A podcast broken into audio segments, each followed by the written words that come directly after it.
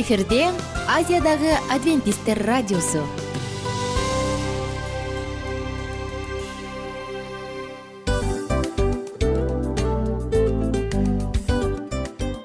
Достор салют. Баардык сүйүктүү угармандарыбызга салам айтабыз. Кутман күнүңүздөр менен. Ден соолук өмүрдүн булагы демекчи саламат саамы программасында баарыңыздарды көргөнүбүзгө абдан кубанычтабыз. Анда алгач амандашып өтөлү арбаңыздар деп. Ден соолугуңуздар кандай элибизде көбүнчө ден соолук кандай дегенде эле жакшы деп жооп беребиз э? ооруп турсак дагы жакшы дейбиз. Анан мен муну айтып ойлойт элем бул абдан сонун сөз депчи анткени бул жакшы деген үмүт да э ооба баары жакшы болот. Баары сонун. Деп үмүттөнүп атып эле өзүбүздү өзүбүз дарылап коебуз. Анысы кандай? Сиздин дагы ден соолугуңуз жакшы беш деген үмүттөбүз чындыгында ден соолук бул өмүрдүн булагы деп бекеринен айтылган эмес деп ойлойм. Кыргыз элинде анткени эгерде ден соолук жок болсо анда адамдын жашоосунда калган баардык керектүү маңыздуу нерселер өзүнүн баалуулугун жоготуп коет. Ошондуктан ден соолук бул эң керектүү нерсе. Ооба туура айтасың кесиптешим. Чынында ден соолугуң жок бир эки үч күн ооруп калсаң эле э кандай болуп калат? Жашоодо көз каранды болуп каласың көп нерсеге жетишпей каласың көп нерсени кыла албай каласың жада калса эшикке дүкөнгө да чыга албай каласың. Туптуура анан ден соолук болсо демек биз биздин бактыбыз тоодой деп койсок болот. Анда достор саламат саамы рубрикабызды баштайлы. Алдыда өзүңүзгө керектүү болгон сонун кеңештерди уга аласыздар. Мына ошондуктан биз менен бирге болуңуздар. Ал эми биз болсо милан жана айнура. Кеттик алга. Алга саламат саама ден соолуктун жарчысы. Саламат саама ден соолуктун ачкычы. Күн сайын сиз үчүн мыкты кеңештер сонун жаңылыктар кызыктуу фактылар биздин рубрикада.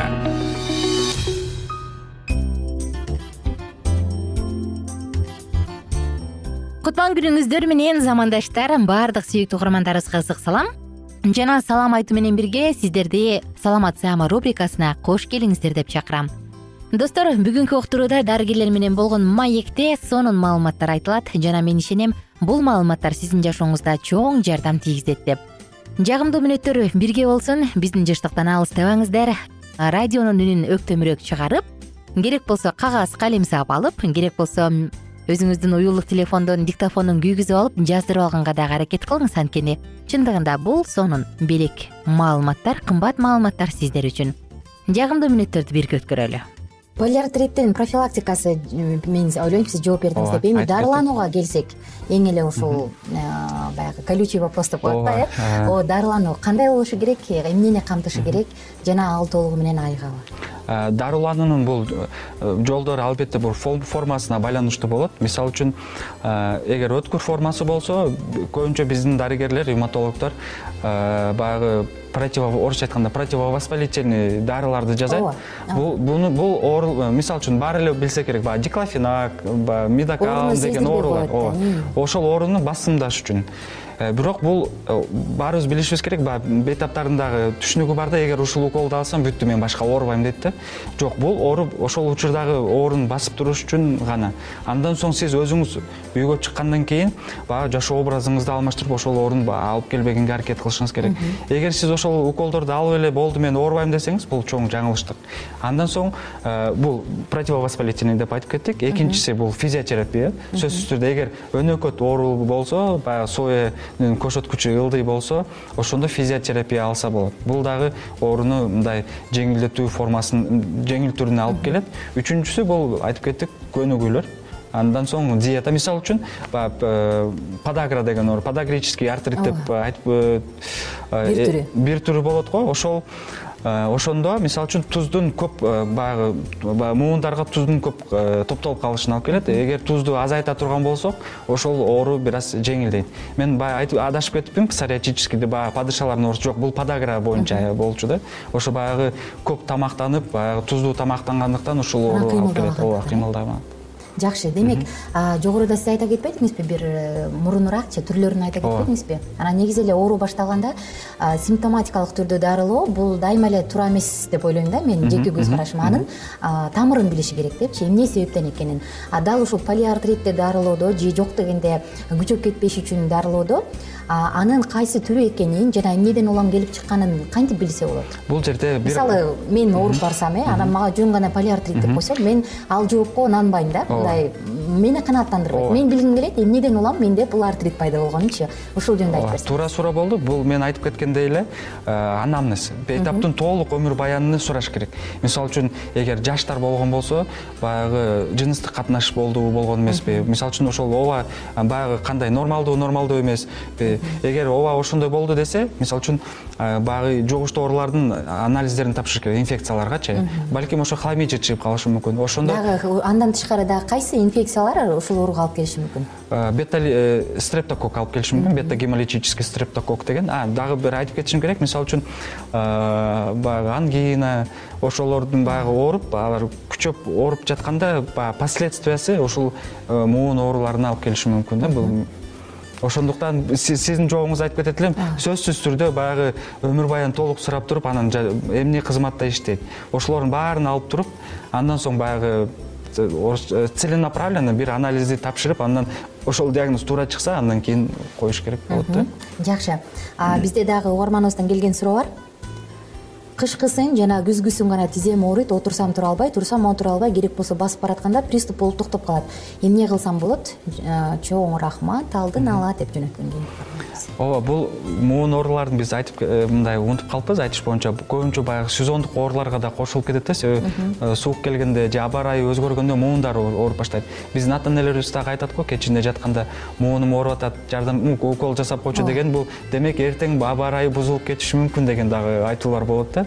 Андан соң бул ошол сезондук ооруда күчөп кетпеш үчүн алдын ала иммунитетибизди чыңдашыбыз керек. Э, бул витамин ичип көнүгүүлөр жасап э, баягы бул эмне деген ошол э, ошол реакцияга биз организмибиз толук түрдө баягы согушка даярдангандай эле курал жарактуу болуп турушубуз керек болот да. Мен дагы ушул ооруга ушул темага даярданып жатып интернет булактарынан көрүп калдым. Эгерде тизеси ооруса тизеге атайын ыңгайлуу сонун көнүгүүлөрдү тандап алып туруп жасаса болот экен. Сөзсүз түрдө. Эгерде колдун муундары ооруса ага атайын э, ванналарды жасап э ысык муздак суу гидротерапияны жасап атайын ушундай бир көнүгүүлөрдү жасап машыктырып колдорду машыктырып турса ал жакта жогоруда сиз айткан суюктук айланып ооба. керектүү өлчөмдө туруп турат экен. Эгерде бел эгерде буттун манжалары керек болсо мен таң калдым да буттун манжалары дагы ооруп катып калат экен да. Анан ушундайлар болгондо кадимкидей буттун манжаларына көнүгүүлөр жасап тырышып мындай бүркүттүн тырмагы сыяктуу кылып ушундай ар кандай көнүгүүлөрдү жасап өзүнө өздөрү өздөрүнө өздөрү жардам берген бейтаптар абдан көп экен бул эмнеден келип чыгат? Бул туура эмес бут кийим кийгенден мисалы үчүн. Туура эмес болгондо кандай туура эмес? Эмнеси туура эмес? то есть баягы өзүң бут кийимиң кыйып койчу кысып калат. Мисалы үчүн мисалы үчүн биз баягы орусча айтканда красота требует жеста баягы бир жерлерге барганда бийикте калуу бийикте калуу баягы туфлилерди киебиз андан соң баягы ортопедический эмес мындай жөнөкөй жалпак э, бут кийимдерди кийип ошол биз муундарыбыздын оорушуна биз алып келебиз да. Ошондуктан туура мындай бут кийимдерди дагы кийиш керек сөзсүз түрдө жакшы. Достор жогоруда айтылгандай эле эң сонун маалыматтар биздин ден соолугубузду коргоо үчүн бүгүнкү күндө бар. Канчалык маалымдар болсоң ошончолук куралданган болот эмессиңби мына ошондуктан бүгүнкү айтылган маалыматтар дагы жашооңузга чоң таасирин берип жардамын берип сизди ар кандай кырсыктан ден соолукту сакташ үчүн жаман нерселерден сактасын оорулардан дарттардан сактасын адамдын биринчи байлыгы ден соолук. Адамга экинчи байлык ак жоолук керек. Бирок ак жоолук ден соолуксуз кызык мына ошондуктан сиздерге кааларыбыз албетте бекем ден соолук. Өзүңүздүн колуңуздагы байлыкты сактаңыз барктаңыз. Жана албетте бул үчүн болгон күрөшүңүздү жумшаңыз. Адам баягы жашоосунда колдон келишинче акча таап алып туруп анан кийин улгайып калган кезде баардык тапканын кайра өзүнүн ден соолугуна жумшагандан көрө мейли аз тапса дагы бирок оорубай жашоонун кубанычын татып жашаганга эмне жетсин ошондуктан ар бириңиздерге кааларым бекем ден соолук. Коштошобуз достор сиздер менен кийинки уктуруулардан кайрадан амандашканча бар болуңуздар сак саламатта туруңуздар. Күнүңүздөр көңүлдүү маанайда улансын. Кененирээк маалыматтар үчүн үч w чекит саламат чекит клуб сайтына келип таанышыңыздар. Жана андан тышкары социалдык тармактарда youtube facebook жана instagram баракчаларына катталыңыз. Саламат саама ден соолуктун жарчысы. Саламат саама ден соолуктун ачкычы. Күн сайын сиз үчүн мыкты кеңештер сонун жаңылыктар кызыктуу фактылар биздин рубрикада. Салют замандаштар баарыңыздарга ысык салам дил маек программабызга кош келиңиздер. Дил маек рубрикасы дегенде эле бул эмне болгон дил маек ким менен маектешебиз деп сурайт болуш керек угармандарыбыз бул рубриканы кыскача тааныштыра кете турган болсок ар тарап кесип ээлеринен болгон сонун интервью кеңештер бар жылдыздар менен болгон маек бар аталарыбыздын агаларыбыздын чоң аталарыбыздан сонун кеңештер бар. Ошондой эле эже сиңдилердин кеңештери бар айтор. Баардык кызыктардын баары алдыда. Негизи эле адам баласы бир кимдир бирөөнө ишенип сырын ачкысы келет эмеспи э мындай баарлашууга жакын келебиз го. Албетте. Негизи бир жерге отуруп алып кенен шашпай баягы жүрөктөн жүрөккө ачып сырларыбызды ар кандай көйгөйлөрүбүз менен бөлүшүп баягы чын жүрөктөн маек курганды кимибиз сүйбөйбүз э? Ооба десең ал нерсеге суусап да келебиз да. Ооба кээ бирде адамга чындыгында баягы э, ысык маек жылуу маек жетишпейт да. Ошондуктан биз ушул рубриканы ойлоп тапканыбызда эң биринчи эле достор сиздер менен чын жүрөктөн бир маңыздуу темаларды козгоп кеткени э, кааладык. Ошондуктан ушундай сонун бир рубриканы тартуулап жатабыз. Анын үстүнө радио дагы сонун дос да. Анткени э, мындай учурда досуңа айтсаң досуң досуна айтат досу досуна айтат да анан бүт өлкө билип калышы мүмкүн го радио болсо сени сатпаган сенин айыбыңды ачпаган. Сенин сырыңды эч кимге айтпаган сонун дос ошондуктан биздин алдыдагы айта турган кеңештерибизди биздин досторубуздун кеңештерин угуп анан ал жака пикириңизди дагы калтырып кайрадан биз менен байланышсаңыздар болот. Деги эле жашооңузга эгерде кичине болсо дагы өзгөрүү алып моралдык жактан нравовалык жактан сонун бир кеңештерди алсаңыз демек биз максатыбызга жеттик. Ооба. Чыңгыз атабыз улуу жазуучу э, чыңгыз айтматов айткандай адам болуу бул күнүмдүк процесс экен. Күн сайын адам бойдон калуу бул адамзатка эң эле кыйын дейт э? э эң кыйын дейт. Чындыгында бунун э, негизинде адамдын эң баягы сапаттуулугу адамдын э, адамгерчилиги жана көптөгөн керектүү нерселер мына ошол темалар дагы бизде ушул дил маекте биз аларды да козгойбуз. Ден соолук жөнүндө да сүйлөшөбүз. Сөзсүз түрдө. Анан милан мырза негизи айтып коюшат го? Биз көбүнчө эмнени ойлонсок ошол нерсеге карата иш кылабыз го. Ооба. Анан анысы балким бул радио баракчада кимдир бирөөнүн оюн текшергенге жардам берет кимдир бирөөнүн жүрөгүн текшергенге жардам берет. Балким кимдир бирөөгө жашоонун маңызын тапканга жардам берер. Айтор кызыктын баары алдыда бул жөн гана кыскача жарнама анда угармандарыбыздын баардыгын кийинки рубрикабызга чакырабыз. Ал эми кызматта маңдайымда отурган кесиптешим милан жана мен айнура. Анда эмесе биз даярдаган терең терең ойлор менен таанышууга кеттик. Алыс алыс баралык. Анда эмесе достор биз менен бирге болуңуздар. Алдыда эң кызыктуу маалыматтардын баардыгы бир нече мүнөттөр бою жалгыз гана сизге арналат. Мына ошондуктан жакшы маанай менен угууну каалайбыз. Үн алышканча. Жөнөдүк. Ар түрдүү ардактуу кесип ээлеринен алтын сөздөр жүрөк ачышкан сыр чачышкан сонун маек дил маек рубрикасында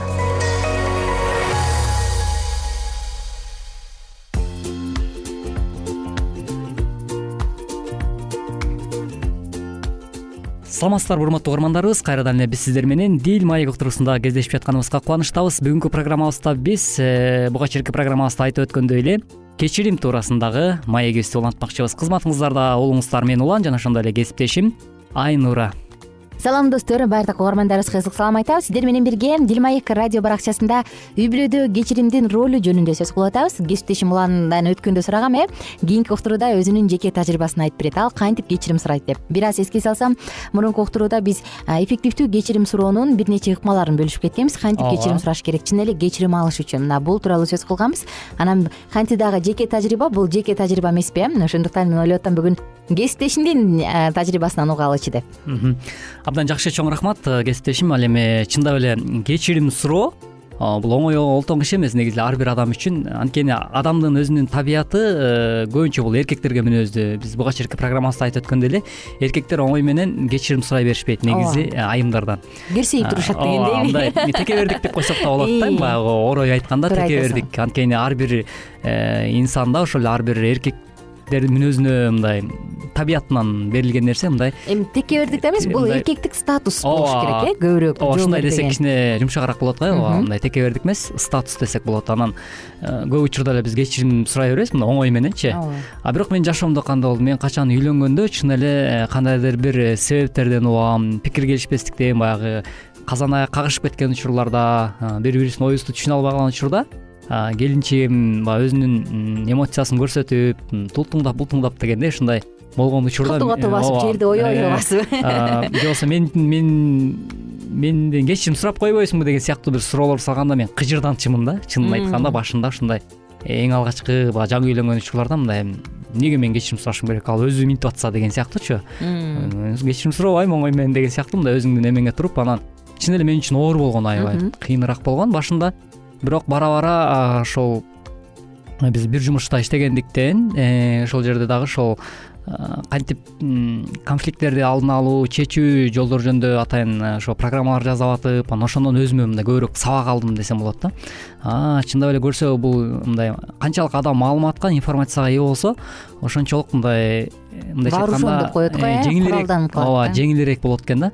Ошол себептен э, менде кандай болду. Мисалы үчүн башында чын эле оор болду да. Анан мен кандай ыкманы колдондум мен э, көбүнчө баягы келинчегимдин баягы жогоруда ошол кесиптешим сен өзүң эле айтып өткөндөй э, сөзсүз түрдө бир конкреттүү э, кадамдар же ошол бир олуттуу суроолордун негизинде отуруп чечиш керек деп буга чейин өзүң ушундай ойлоруңду айтпадыңбы мен ушундай кадамдарды кылгамчы меники да ушундай сыяктуу нерселер болду бирок көбүнчө мен башында келинчегимдин көңүлүн таап андан кечирим алыш үчүн мен мындай ыкмаларды колдончу элем да. Баягы өзүм кичине мындай романтикага жакыныраак болгондуктан атайын бир ошол тарынтып алган көңүлүн оорутуп алган учурларда кандайдыр бир кичинекей бир арзыбаган аябай деле кымбат баалуу буюм болбосо да бирок кичинекей бир көңүлүн алыш үчүн мындай мүмкүн шоколад сатып барып же гүл ала барып деген сыяктуу ушундай бир ыкмаларды колдонуп же болбосо акырын сумкасына салып коюп кичинекей бир алма жакшынакай бир алма көрүп калсам дагы мындай өңү ушунчалык сонун мындай э, кочкул кызыл деп коеюнчу ушундай бордовый цветтеги ушундай алманы атайын сумкасына салып анан мен көбүнчө баягы өзүм чыгармачыл адам болгондуктан ыр жазчу элем да анан. Ошол ырдан кичине бир эки үч сап ыр жазып коюп акырын салып коюп же окуп аткан китебин арасына коюп коюп ушундай бир эмелер менен көңүлүн э, жибиткенге аракет жибиткенге аракет кылам ошол аркылуу кечирим сурачу элем да ошо менин тажрыйбамда көбүнчө ушундай нерсе болду. Жакшы. Сонун ыкма экен бул дагы? Айымдар негизи биз э, бул нерсеге жакын болгондуктан бат эле алданып калат э жакшы. Анда биз угармандарыбыздын да оюн уккубуз келет. Whatsapp аркылуу өзүңүздүн э, оюңузду өзүңүздүн кечирим суроо ыкмаларыңызды жазып кетсеңиз болот. Анда биз э, алдыда күтүп алабыз буюрса анан кечирим сурап аткандачы улан биз кээде ката дагы кетирет экенбиз да. Ооба анан кечирим сурап атам деп ойлоп экинчи адамдын ого бетер ачуусуна тийип алат экенбиз энди молинск аттуу бир коуч белгилүү коучтардын бири мындай дейт. Кечирим сурап атканда жөн эле мындай бош кандай деп коет пустой деп коет го э жөн эле көрөңгү болгон жөн эле мындай эч нерсеге арзыбаган кечирип койчу мени кечирип койчу деген сөздүн кереги жок дейт да биз кээде ойлошубуз мүмкүн дейт. Бул кечирип койчу деген бул негизги нерсе деп. Бирок анын ичинде эч нерсе жок дейт. Эмне үчүн кечирим сураш керек? Жогоруда мен айткандай конкреттүү факт менен анан кечирим сураган жакшы дейт. Же болбосо мындай жөнөкөй эле бош идишти кечирип койчу деген идишти тартууласаң экинчи адамдын ачуусу келет дейт. Же экинчиден дейт. Өтө эле ашыра кечирим сурай берүү дейт. Ай мен аябай кайгырып калдым ай мен өзүмдү жаман сезип атам. Ии мен түнү менен уктабай чыктым ай кечирип койчу ай деп эле өтө ашыкча актануу жана өтө эле ашыкча кечирим суроо дагы экинчи адамдын ачуусуна тиет дейт элестет? Мен жана жогоруда айттым го белем баягы авторитетин кетирип коет деп э бул ушундай кечирим суроо болуш керек бул көбүрөөкчү кандайдыр деңгээлде баягы бушайман болуп эле мындай кыжаалат болуунун дагы менимче кажети жок.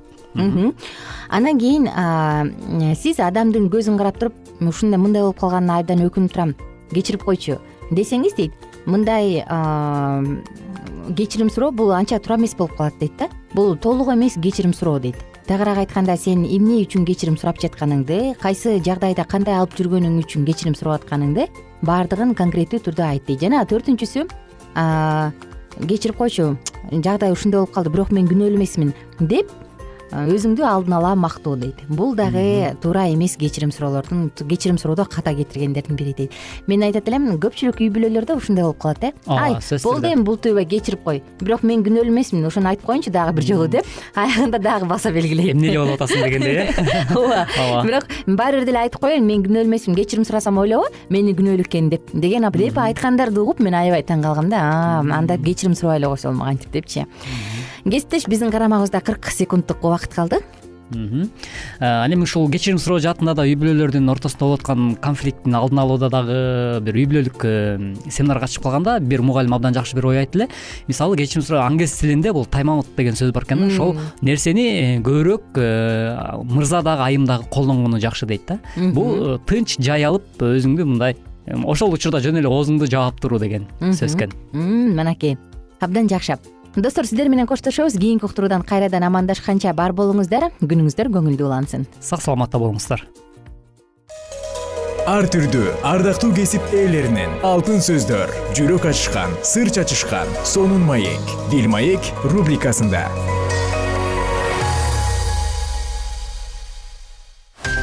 Жан дүйнөңдү байыткан жүрөгүңдү азыктанткан жашооңо маңыз тартуулаган жан азык рубрикасы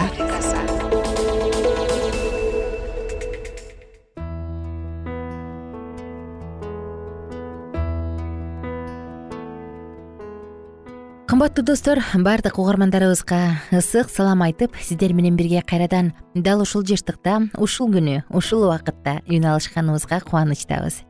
Бүгүн дагы сиздер менен бирге жан азык радио баракчасында жан дүйнөбүздү азыктандырып келечекке болгон тирүү үмүткө ээ болобуз. Же болбосо тирүү үмүт бар болсо ошол тирүү үмүтүбүз кайрадан жандансын акыркы учурда чындыгында бир уктурууда да айта кеткенбиз. Аян китеби эң популярдуу китепке айланды деп. Ишенгендердин ишенбегендердин баардык адам баласынын арасында. Анткени дүйнө акырына зымырап учуп бараткансыйт дүйнөдө ресурстардын баардыгы түгөнүп бараткандай. Дүйнөдө адамгерчиликтүүлүк калбай бара жаткандай туюлат э? Анан ошонун баарын карап туруп эмне дүйнө акырына келип калдыбы? деп ойлонбой койбойбуз сөзсүз түрдө. Акыр заман болобу же болбойбу? деп илгертен эле айтылып келет. Кимдир бирөө эки миңинчи жылы акыр заман болот десе кимдир бирөө эки миң онунчу жылы болот деген бирок айтар күтүп келе жатабыз. А чындыгында акыр замат болобу? Бул дүйнөнүн акыры болобу? Бул дүйнөдө биздин балдарыбызга биздин небере чөбүрөлөрүбүзгө ушундай коопсуз келечекти бере турчу бирөө барбы бул дүйнөнү ким башкарат? Албетте булардын баардыгы кызык суроолор. Эгер сизде дагы ушул сыяктуу суроолор бар болсо анда биздин ушул уктурууларыбызды калтырбай угуңуз. Анткени биз сиздер менен бирге аян китеби пайгамбарчылык китеби менен таанышып жатабыз. Бир аз эске салсам достор биз мурунку уктуруубузда аян китебиндеги руханий күчтүн булагы деп аталган сонун темабызды баштаганбыз. Жана аян китебинде патмос аралында жаканга ыйсадан көрүнүш болгондугу айтылган. Келиңиздер бүгүн темабызды андан ары уланталы. Жакан эмне үчүн сен жөн гана багынып койгон жоксуң? Эмне үчүн машаякчылыктан баш тарткан жоксуң? Эгерде машаякчылык философиялык системанын дагы бири болсо анда сен жакан эмне үчүн андан баш тарткан жоксуң? Эмне үчүн сен үй бүлөңдөн досторуңдан жакындарыңдан жана сага кымбат адамдардан алыстап сүргүнгө кеттиң? Эмнеге жакан? Анткени жакан ыйса машаяк тууралуу чындыкты билген.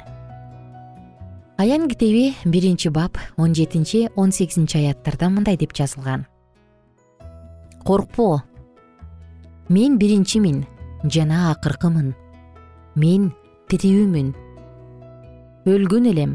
Азыр болсо түбөлүккө тирүүмүн о мен. Ыйса машаяк жаканга мындай деген. Жакан сен өлүм катастрофа мүрзө менен беттешип турасың. Бирок мен сенин эмне менен беттешкениңди түшүнөм. Анткени мен тирүүмүн мен өлгөм. Азыр болсо түбөлүккө тирүүмүн ыйса жаканга мындай деп айтып үмүт берди өлгөндөр жаткан жай менен өлүмдүн ачкычтары менде. Өлгөндөр жаткан жай менен өлүмдүн ачкычтары менде. Жакан эгер сен өлүп калсаң менде өлүмдүн ачкычы бар экенин унутпа. Жана бир учурда сен түбөлүк өмүргө ээ болосуң. Тирүү машаякчылыктын сыры мынакей. Эгерде ыйса машаяк өлгөндөрдүн арасынан тирилсе ал жөнөкөй адамдан жогору ал кудай. Эгер ыйса машаяк өлгөндөрдөн тирилсе анда ал өлгөндөр жаткан жайдын үстүнөн бийликке ээ. Ыйса өлүк бойдон эмес. Анын мүрзөсү бош ал тирүү. Эгер ал өлгөндөрдүн арасынан тирилсе анда ал адамдан жогору ал кудай. Ошондуктан жакан өлөбү же жокпу маанилүү эмес. Эгер анын өлүмү кудайдын эркине туура келсе анда ал өлөт. Анан тирилип түбөлүк жашайт. Жакан муну билген жана ишенген эгер ыйса машаяк чын эле кудай болсо эгер анын өлүм кармап кала албаса анда анын түбөлүк өмүр сунуш кылганы реалдуу жана чындык. Эгер машаяк кудай болсо эгер ал өлгөндөр жаткан жайга кирип кайра чыкса эгер ал тирилсе анда анын түбөлүк өмүр берем деген сунушу чындык жана реалдуу.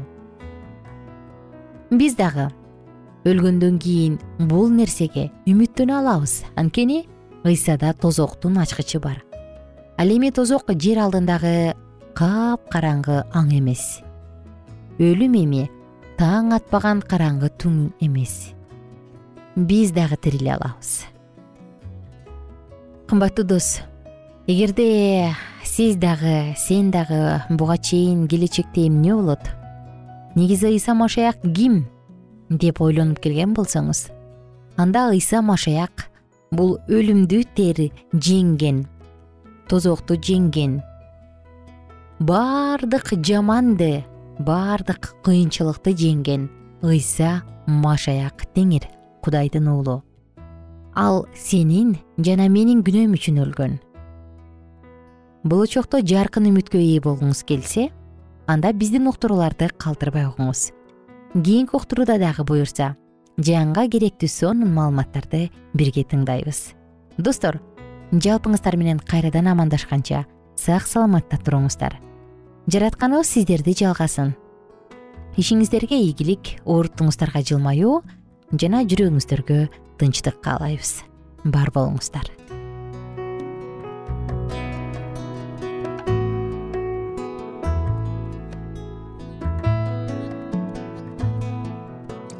эгер сиздерде суроолор болсо же көбүрөөк маалымат билем десеңиз анда биздин whatsapp номерибизге жазыңыз.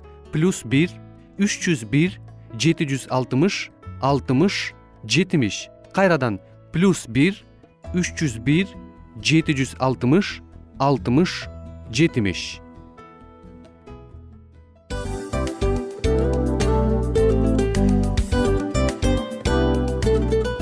мына ушинтип убакыт дагы тез өтүп кетет экен биз дагы радио уктуруубуздун аягына келип жеттик келип кубандырдыңар эми кетип кубандыргыла деп тамашалап калышат эмеспи анысы кандай радио баракчабызды программабызды азыр эле баштап аткандай болдук элек мына соңуна келдик э? Негизи убакыт э, билинбей өтүп кетет экен мен дагы убакыт дегенде бүгүн бир адам менен сүйлөшүп калдым. Анан убакыт бул мүмкүнчүлүк деп айтып өзүмө өзүм айтып алып анан мага өзүм эле кайра ачылыш болду да чын эле Э, карап отурсаң ошол эле жыйырма төрт саат ошол эле жарым саат кайталанып атат. Бирок сендеги мүмкүнчүлүк жок ошол кой берилип кетти? Анысы кандай? Бүгүнкү сонун убактыңызды алтындай болгон жарым саатыңызды бизге бөлүп арнаганыңыз үчүн ыраазычылык айтабыз анан жашооңуздун кайсы бир сферасын өзгөртө турган сонун пайдалуу кеңеш алган болсоңуз анда биз максатыбызга жеттик. Анан ушул нерсени кылбасам десеңиз ошол өзгөрүүлөрдү кичинекей кадамдардан баштап иш жүзүнө ашырыңыз дагы жашооңузда чоң чоң ийгиликтерге жетиңиздер. Чын жүрөктөн ар бир берилген кеңештер сөздөр сиздерге пайдасын алып келет деп ишенебиз жана кийинки уктурууларда сөзсүз түрдө чыдамсыздык менен сиздерди күтөбүз сагынычтуу салам айтып кайрадан дал ушул жыштыктан баардыгыңыздарды тосуп алганча. Кызматта мен айнура жана кесиптешим милан. Анда кол пулга алайбыз жалпыңыздарга ийгиликтүү күн. Саламатта калыңыздар